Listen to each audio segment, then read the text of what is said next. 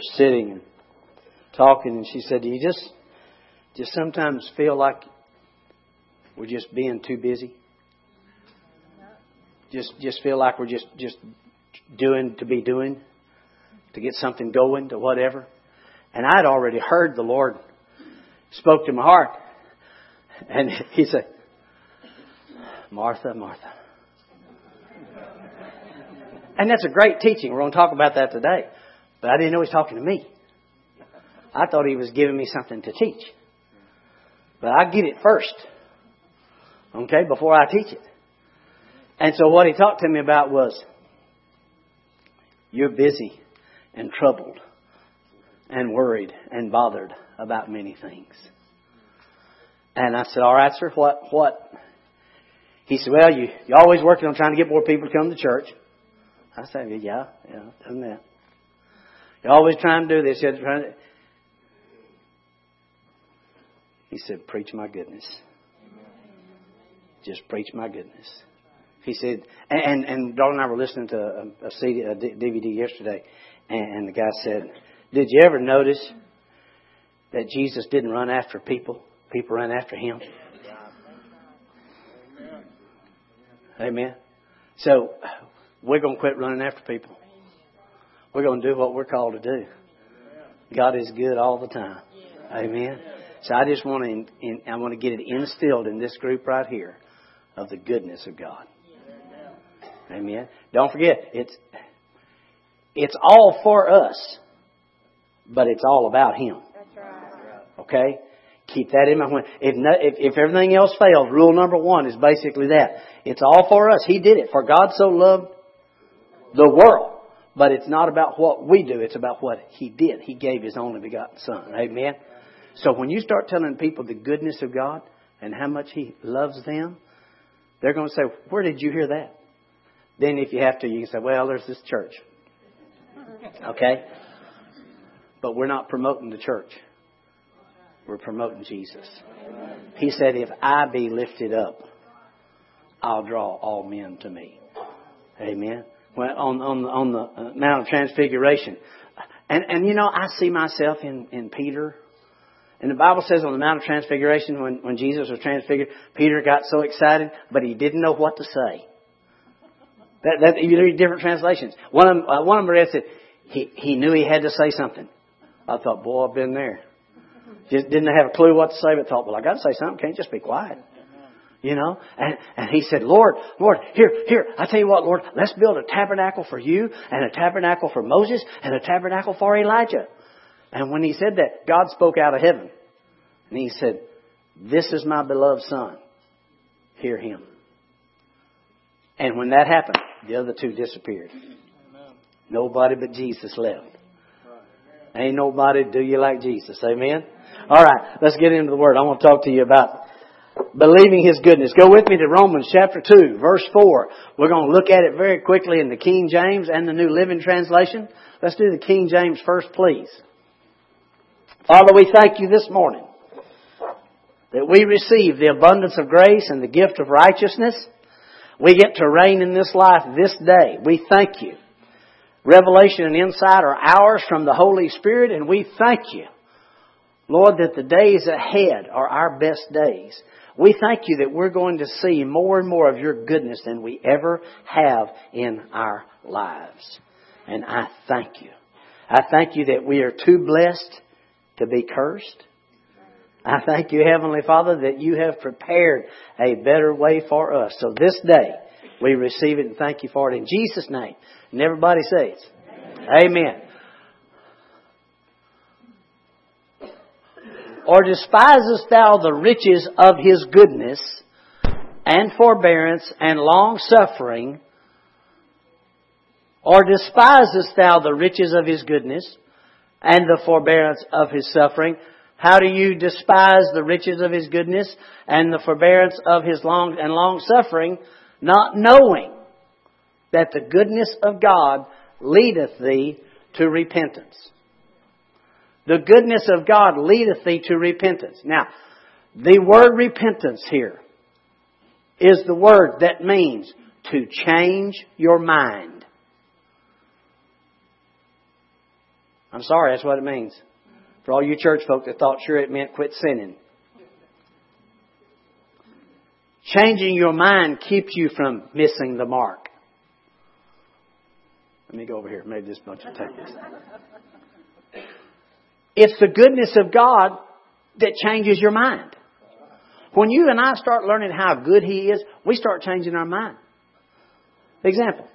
Well, you know, I, I, I know, you know, I know God heals, but I know that He doesn't, I know He doesn't heal everybody because it's pretty obvious because everybody doesn't get healed. The goodness of God. When you realize how good He is, you realize that He would not be picking one person not to be well. Right? Well, I know God will make that happen for somebody, doesn't make it happen for everybody. Well, when you start understanding the goodness of God, you realize He wouldn't pick one person just to do that for, because He, he, he loves us all the same. Know, I realize flesh gets in the way, and that's what, you know, messes things up, whatever. So people look at the flesh, and then they try to describe, describe and explain God by looking at the flesh and by what happened. And that's not something you can do. What you do is you look at the goodness of God. Because it's the goodness of God that causes you to change your mind. When you realize how good He is, it changes your mind about your health, your wealth, your peace, your life, your joy, your family, everything else. When you and I start seeing His goodness. So I want you, we're just going to talk about His goodness today. For a little bit, alright? Go with me to Psalm 27. We got to read a couple of goodness scripture and then we'll get off into Psalm 27. After do this, we're going to look and see who's qualified to receive His goodness, who's living up to it. This is Psalm 27. Oh no, I'm sorry. Go go back to that Romans uh, in uh, in the New Living Translation before we get away from that. And it said it uh, Romans two four. Yeah. Okay, look at this. Don't you see how wonderfully kind, tolerant, and patient God is with you? Does this mean nothing to you? Can't you see that His kindness is intended to turn you from your sin? Now, in the, in the Greek, the word sin is not there. Alright, so translators added it because it sounded good. But you can fit it in there for this reason. When the Lord has you change your mind, it keeps you from missing the mark. And that's what sin means. Miss the mark. So we have levels of it. God just calls it all together and had Jesus paid for all of it. Maybe I have to go over here. This bunch. Are y'all? See, you see what I'm saying? It, it's that, that, that, that, that, that. Turn you from your sin because we we don't want to sin, and that's you know we're, we're, we work all of our life trying to get away from sin. And what we got to understand is it's the goodness of God that does that. You can get more done by learning the goodness of God and have changes in your life than you can by you trying to be good. Stay with me now. This is Mother's Day. We're going to have fun. Okay. I'm not preaching to the mothers. They're all perfect. We know that. Okay. Got a couple of amens out there, didn't you? All right. Okay. All right, now we'll go to, to Psalm 27 and 13. Yet I am confident I will see the Lord's goodness while I am here in the land of the living. Say that with me. I am confident that I will see the goodness of the Lord while I'm in the land of the living. Amen. See, because when we see the goodness of the Lord, we tell people. Every good thing in our lives comes from Him. Amen. I am confident I will see the manifested goodness of God's love for me in the land of the living. I am confident. I am confident that I am too blessed to be cursed. Amen? All right. Now, just write down the name Ruth. We're not going to go there because we don't have time. Read the book of Ruth. Put Ruth as you and Boaz as Jesus. And when you read it, just read it. Because Boaz fell in love with this girl and he could not do enough for her. And he just did it because he took a liking to her. He saw her. She didn't deserve anything.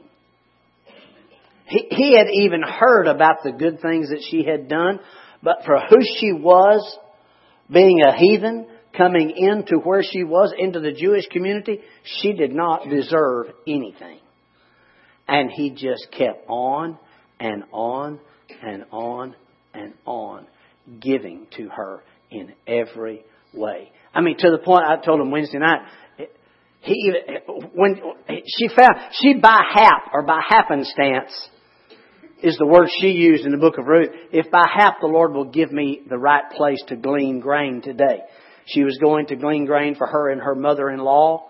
Uh, all there were, just the two of them. And she was going to do that. Well, the Lord gave her favor and put her in Boaz's field. One of the wealthiest men in the land who happened to be, just happened to be, happened to be, okay, the kinsman of her mother-in-law Ruth, of uh, Naomi, okay? Giving Boaz, who is the kinsman, the right to redeem them from every problem they had. Thank you, Jesus. Okay? Okay, I'm not going there, but that you can see how you can get lost in that. Right? Because she just just kept receiving. He even told the guys, his his guys that were treading out the grain and getting the grain out, he said, See that girl right there? you don't just let her glean what falls out as a waste. You drop some on purpose so she can get it. And then he and then he told he went and told her. He said, "Okay, now when it comes time to drink, like the ladies went and drove the water, he said, "Don't you go do that." He said, "You just go drink the water of where the guys that are working. You go get their water because I've already told them." I'm okay. That's the goodness of God. That's that's who Boaz represents as our Jesus. And he even told the uh, the workers, the laborers, he said, "Don't treat her harshly." Which basically meant, don't you dare say she doesn't deserve this. Don't you dare say, what are you doing here? Don't you dare. In fact, he said, don't you make her blush. It's actually the word blush. Don't you make her blush. In other words, don't, don't talk coarsely to her. You, he's fixing it up for her. So when you get a chance, don't do it in the King James. Read it in another translation. Okay? So it'll be easier to understand and you will really enjoy the book of Ruth. Okay, so we're finished with the book of Ruth right there totally. Amen? Go with me to 2 Kings.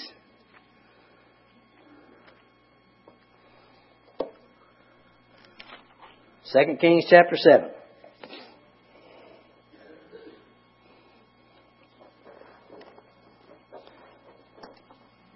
I know that most of you know these these stories and the accounts of these things as well as I do, and and I like to sometimes take the, the opportunity to take the time to go through them because I realize not everybody uh, was brought up in church, and maybe you haven't heard, you know, the, these accounts of how this took place. But remember this: when you read the Old Testament, the Old Testament is Jesus concealed. The New Testament is Jesus revealed.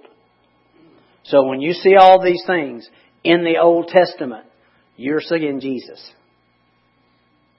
If, if, if you, there's this little book, I don't know if it's still in print or not, called The Fourth Man by Oral Roberts.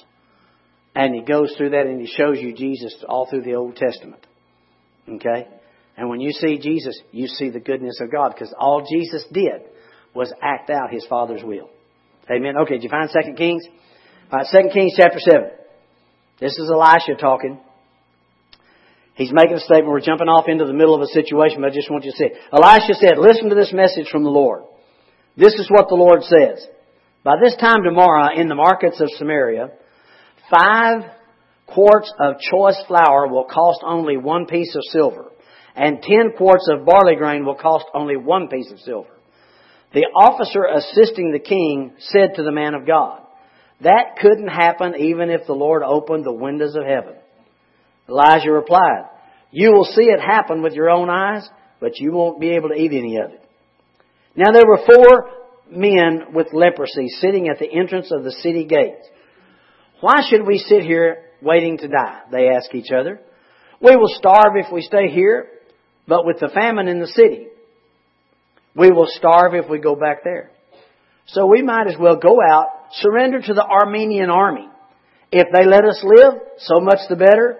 But if they kill us, we would have died anyway. This is, this is desperate people.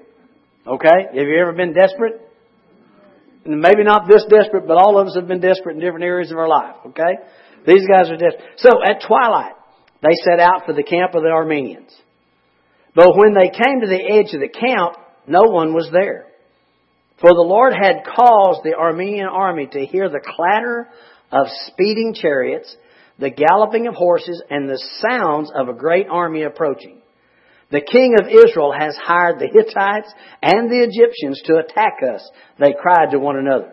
So they panicked, they ran into the night, abandoning their tents, their horses, their donkeys, and everything else as they fled for their lives. When the lepers arrived at the edge of the camp, they went into one tent after another, eating, drinking wine, and they carried all silver and gold and clothing, and they hid it. Finally, they said to each other, This is not right. This is a day of good news, and we're, we aren't sharing it with anyone. If we wait till morning, some calamity will surely fall upon us. I mean, you know, when you're a leper, you figure bad's coming your way anyway, right? Okay. So come on, let's go back and tell the people at the palace. So you got the picture of what took place. These guys just decided, we're dying here, we go there, we die. Let's go out to the army. Maybe they'll give us something to eat. Not, they'll just kill us, okay? It's over. So as they went, the Lord caused the Aramean army to hear the sound of this huge uh, uh, military coming at them. They packed, they didn't pack up and left, they just left. They left everything behind. Okay? Now here's my point of the story. These were not four prophets. These were not, well, we fasted for three days now. And you know, we've prayed and we have read a lot of scripture. Surely the Lord is going to operate on our behalf and open us a way. They hadn't done anything.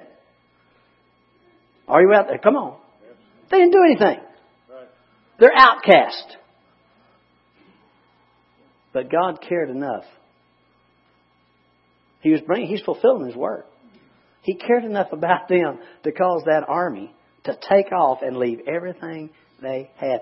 And they didn't have to pray for it, beg for it, be good for it, or anything else. Don't get me wrong, all those things are good. Unless you're trying to do those things in order to get from God because then it's called a work, and that's not what God says. What He did was He acted on their behalf simply because He cared. Simply because He cared. That's the goodness of God. He caused these guys to walk out into a situation that they had they had not planted for. They hadn't done anything. All they were, they, they're just desperate. They were dying. They're just trying to find something that happened. And when they walked out there, God in His goodness, had prepared it for them. What about you, child of God? If He'll do that for people that are not His children, why do we think we have to get all of our ducks in a row and everything just right and do everything before God will show up on our behalf with His goodness and do the miraculous that you can't do anything but say? Not what most people say. I can't believe it. No we say, Lord, thank you. Mm-hmm. Oh, God, you were thinking about me when I wasn't even thinking about me. You were thinking about me when I wasn't thinking about you. You had me on your mind. You're preparing the way for me. That's the goodness of God. What does it do? It leads people to change their mind. It leads people to repentance. Now, show you something. Look at these guys. What did they do? They went in and they found out this camp was empty and all this stuff was there and they ran to tell everybody in the city all the blessings. No, that's not what they did. They went into every tent and ate everything they could. They grabbed all the silver, all the gold. They went and hid it. They just, they just acted free. They just, they just, they found out they weren't in bondage anymore and they just went wild. We're so embarrassed.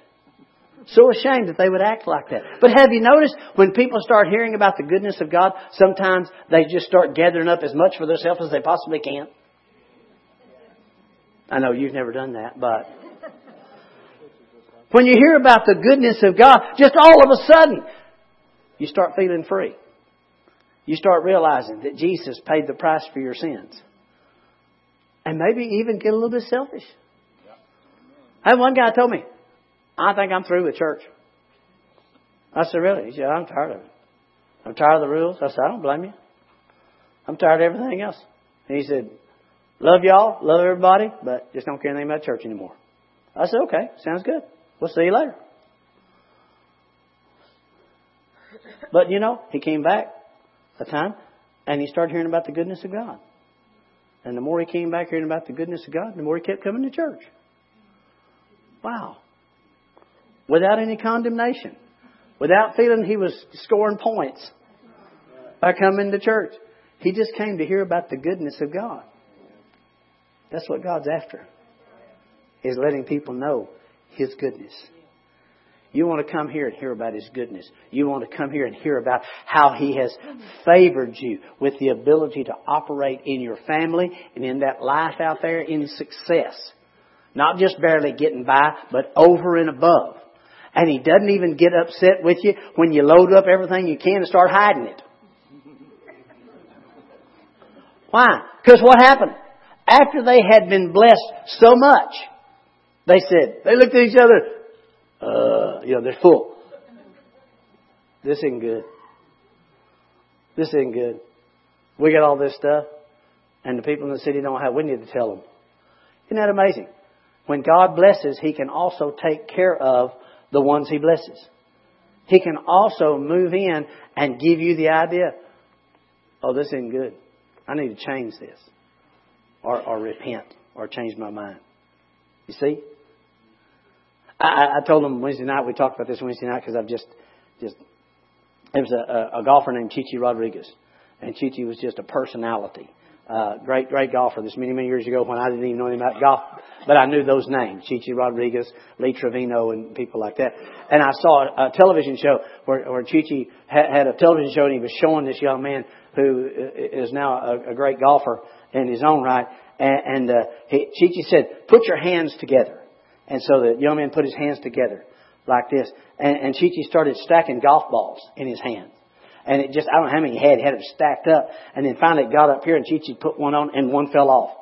And then down, he picked another one and, and a couple of them fell off. And he just kept doing this stuff, just kept falling, kept falling. And, and Chi Chi looked at him and he said, the boy was looking at him, he said, you see, you're a very talented young man. You're going to make a lot of money in this game. You can't keep it all. Give it away. Is that cool or what? See, sometimes all it takes is the realization of God's goodness to change everything in your life. Well, that's what's taking place with these guys here. And, and, and then they went into the town and they told them about it. And what happened was there was so much stuff that, that what the man of God had said came, came perfectly about. Because that officer, uh, they had all this food, they had everything there, and that stuff was just selling cheap and they, people could buy it. And that officer was, was standing there, he saw it happen. But what happened to him was the people rushed in so fast to get all this, he got knocked down and he got trampled and he died.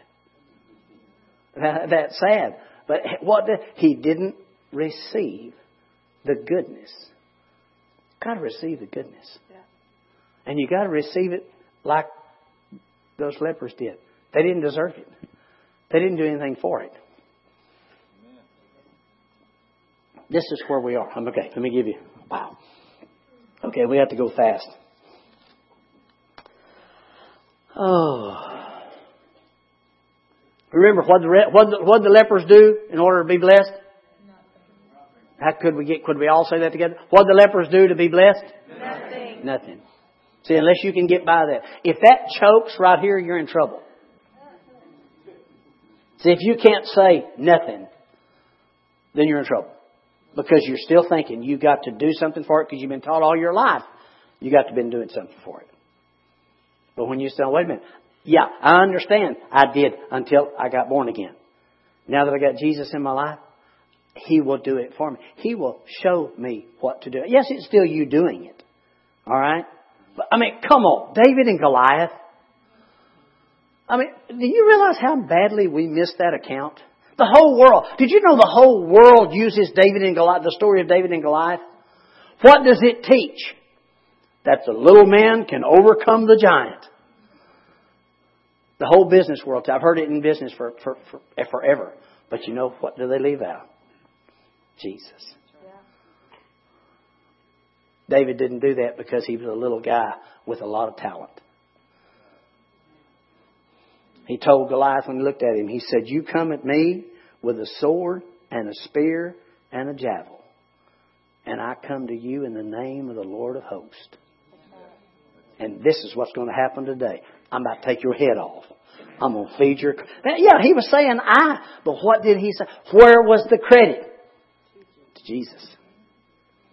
It's his goodness that makes David's defeat Goliath's. Not your ability, not you being the underdog. That, that's not it. It's God's goodness causes us to triumph. And it's simply His goodness. It's not you earning it, deserving it, anything else. But He has put His goodness. His mercy endureth forever. And His goodness is from everlasting to everlasting. That's the God that you serve. The God that you belong to. Okay? Amen. Alright, let me give you some other fun things. Uh, I told them the other night, I said, you know, in, in Matthew 6 and, and different places, the Lord would say, Oh, you of little faith. And He wasn't talking to them about their position of not being able to do enough. What He was saying was basically this. Why are you receiving so little? Why are you, why are you pleased just to have that little bit? Take it all. That's why when he fed the 5,000, what happened? 12 baskets full left over. I am convinced Jesus had to be a firefighter. I was a firefighter for 15 years. When we cook, we cook. And that's every day. We look for reasons to cook. I walked into number two fire station in Carrollton, Texas at 1.30 in the afternoon. We were at station number three. Uh, we walked in and there's nine guys at station number two. And on the table, on the table are three racks of ribs that have not been touched. Oh, they're beautiful. And at the end of that is a brisket sitting there. And then there's just bowls of food. And the captain is T.J. Garrison. I'll never forget him. That really affected my life for many, many years. T.J. said, hey, you boys want to eat? I mean, there were six of us on the truck. We said, no, no, we've already got to eat. And he said, we have two. We said, what? He said, yeah, this is what we got left over. That's Jesus. He doesn't deal with just enough. He doesn't deal with barely get by. He doesn't deal with you just barely making it. He wants you to be abundantly blessed in every area of your life. Able to draw from him. Able to make that little stone that you're chunking go straight into the forehead of that giant and take him down. Amen? That one revelation word, that's what the five stones represent. It's a revelation word from God that you can put out there and sling, and then when you knock your giant down, grab the whole sword and cut his head off. That's the goodness of God in your life. Amen. I'm, I'm, this isn't going to finish today, but anyway, it's it's a fun deal. I want to show you something. Uh,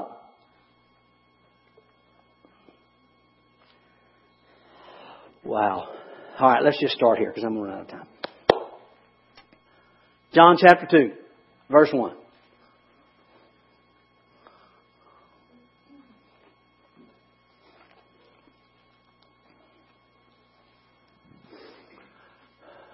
The next day, there was a wedding celebration in the village of Cana in Galilee, and Jesus' mother was there. And Jesus and his disciples were also invited to the celebration. The wine supply ran out during the festivities, so Jesus' mother told him, they have no more wine. Dear woman, that's not our problem, Jesus replied. My time has not yet come. But his mother, Mother's Day, but his mother told the servants, change your life right there. That's the only thing you need right there. Right? What else could you need than that right there? Do whatever he tells you. That's the key to your life and my life. Well, I need to know. Just do whatever he tells you. That's all there is to it. Okay? So,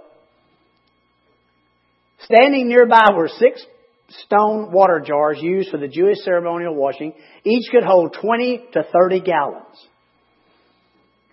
Uh, 30 gallons at six buckets.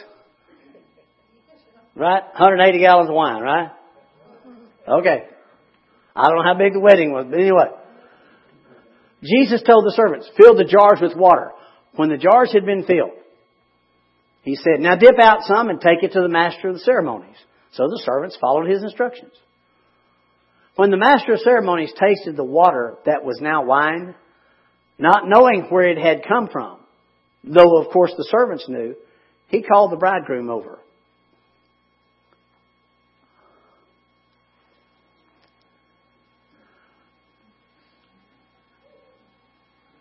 The, uh, the guy that was in charge of the wedding had nothing whatsoever to do with this blessing. Nothing.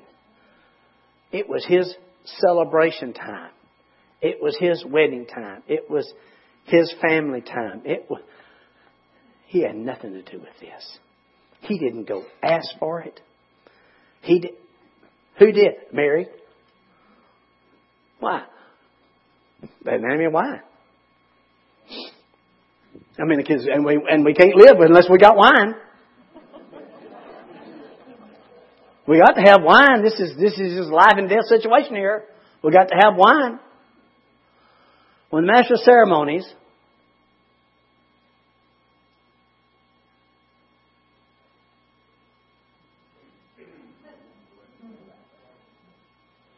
when the master of ceremonies tasted the water that was now wine, not knowing where it had come from, though of course the servants knew we're his children, but we're the servant. We know where stuff. We know where the good stuff comes from. Yeah. Amen. Every all every good gift, every perfect. Okay. Of course, he, he called the bridegroom over. Now, yeah, go ahead. A host always serves the best wine first. He said. Then, when everyone has had a lot to drink, he brings out the less expensive wine. Okay, this if you really read this the way it's written, it kind of blows away the old churchy theory that it was one part wine and 12 parts water? Come on now. You take 12 parts of water and put one cup of grape, one, one little deal of grape juice in and see how it tastes like. Mm. Now, not, and I hate the taste of wine. I have tasted it. I don't like it. But anyway, that's all they had. Everyone had drunk a lot. Okay. But you have kept the best until now. See what the next one says. This miraculous sign at Cana in Galilee was the first time Jesus revealed his glory and his disciples believed in him. Okay, this was the first time he revealed his glory. When Jesus revealed his glory for the first time, it was not to heal somebody. It was not to deliver somebody. It was not to supply a need. You say that's a need. That's not a need. You're out of wine. I mean, come on. It's a luxury. It's something you can do without, don't have to have. That's the first miracle he ever did. Supplied a luxury. I'm going to take that as a lesson. It's the first miracle my Savior ever did was to supply a frivolous something, superfluous, whatever you want to call it. That's the goodness of God. Stop going back to believing just for your needs to be met. God supplies all your need, not according to your need, but according to His riches and glory by Christ Jesus. See what I'm getting? This all I'm wanting to do here is get over to us His goodness. It's not about the wine. It's not about whether you have this, whether you have that. What I'm telling you is, it's His goodness. All He wants to do is put His goodness on you. All, that's all He knows. As I said, when He fed the 5,000, 12 baskets full of food left over. When he fed the 4,000, seven basketfuls of food left over. Why? That's all he knows is more than enough. And we think it's humble to say, well, Lord, you know, that's enough for me. That's all. Just us four and no more. That's all we need. What? Selfish? Won't you just believe in? Let's do it. Let's just believe in as much as we can. Give it all away. Well, I just don't think we ought to try to believe in it because people might make a mistake. Oh, they're going to. I promise you. There's a bunch of people. We'd be like the lepers. We'd just try to gather all of it we could. And God still did not curse them. He still blessed them. What did He did? He put in them a heart to want to share with others. Guys, girls, it's time we start believing our Jesus can take care of His stuff. He can start handling, He can handle His people. Amen? Alright, let me give you a couple others. Ecclesiastes chapter 9. Psalms, Proverbs, Ecclesiastes.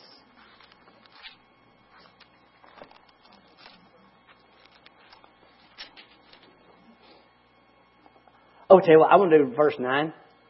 But it's not my message, but it's a good verse. Okay? Verse 9 says, Ecclesiastes 9 and 9, Live happily with the woman you love through all the meaningless days of life. Is that what this says? All the meaningless days of life that God has given you under the sun. The wife God gives you is your reward for all your earthly toil. Whatever you do, do well. For when you go to the grave, there will be no working or planning or knowledge or wisdom. Enjoy your life. Mothers, again, happy Mother's Day. You are a blessing of Almighty God. We could not do without you.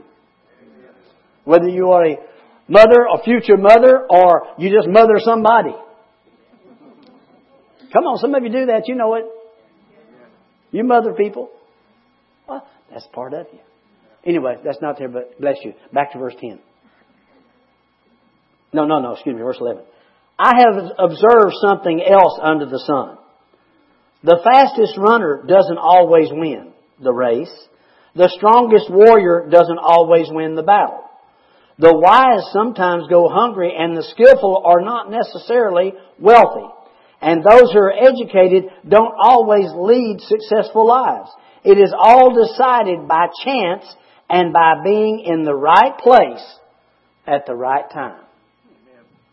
Alright, now, in the world system, 99.9% of the time, the race is usually to the swiftest. The battle is usually to the strongest. That's usually the way the system is. And there's nothing, in the natural, there's really nothing wrong with that system. You, you see what I'm saying? In, in order for that natural growth to grow and for people to exceed. Why? Because the worst thing that, one of the things people do not like, oh no, I think my watch has stopped. What time is it? Oh, thank you, Jesus. Uh, in, in the natural world, people do not like to see people not work and get ahead. You don't like that. It is not fair. Okay? In the natural. So in the natural, the race, the race is usually to the swiftest, the battle to the strong, people of understanding and everything else. But what the Lord says here, here's the problem. That leaves me out most of the time. I mean, because when I was in school and when I ran, I ran like a water faucet. All in one place. You know what? I was not the quickest. Okay? I was not the tallest. I was not, you know, uh, all those, in the world out there, you may not be the sharpest knife in the drawer. Okay? And that's what happens out there. That does happen. But when he says, I, I like that, being in the right place at the right time. In, I tell you, do the, do the King James on that one, please. Ecclesiastes 9:11. I return to saw the sun that the race is not to the swift, nor the battle to the strong, neither yet bread to the wise, nor riches to men of understanding, yet favor uh, men of skill. But time and chance happeneth. That word hap there, happeneth, is the word quora. Alright? And what that means is a specific, destined, predetermined time a situation. Just like we saw Ruth when she just happened into Boaz's field. That's the same word, quora. It's a happened. It's not just happened by luck. It means it was predetermined and planned by God. So why why can you why can you be Goliath uh, and be defeated by David, who you should have snuffed out like that? How? Because of that happening. Because the race is not always to the swift and the battle isn't always to the strong. Because God will put a hap in there for you. He will put a place. Why? Because of His goodness.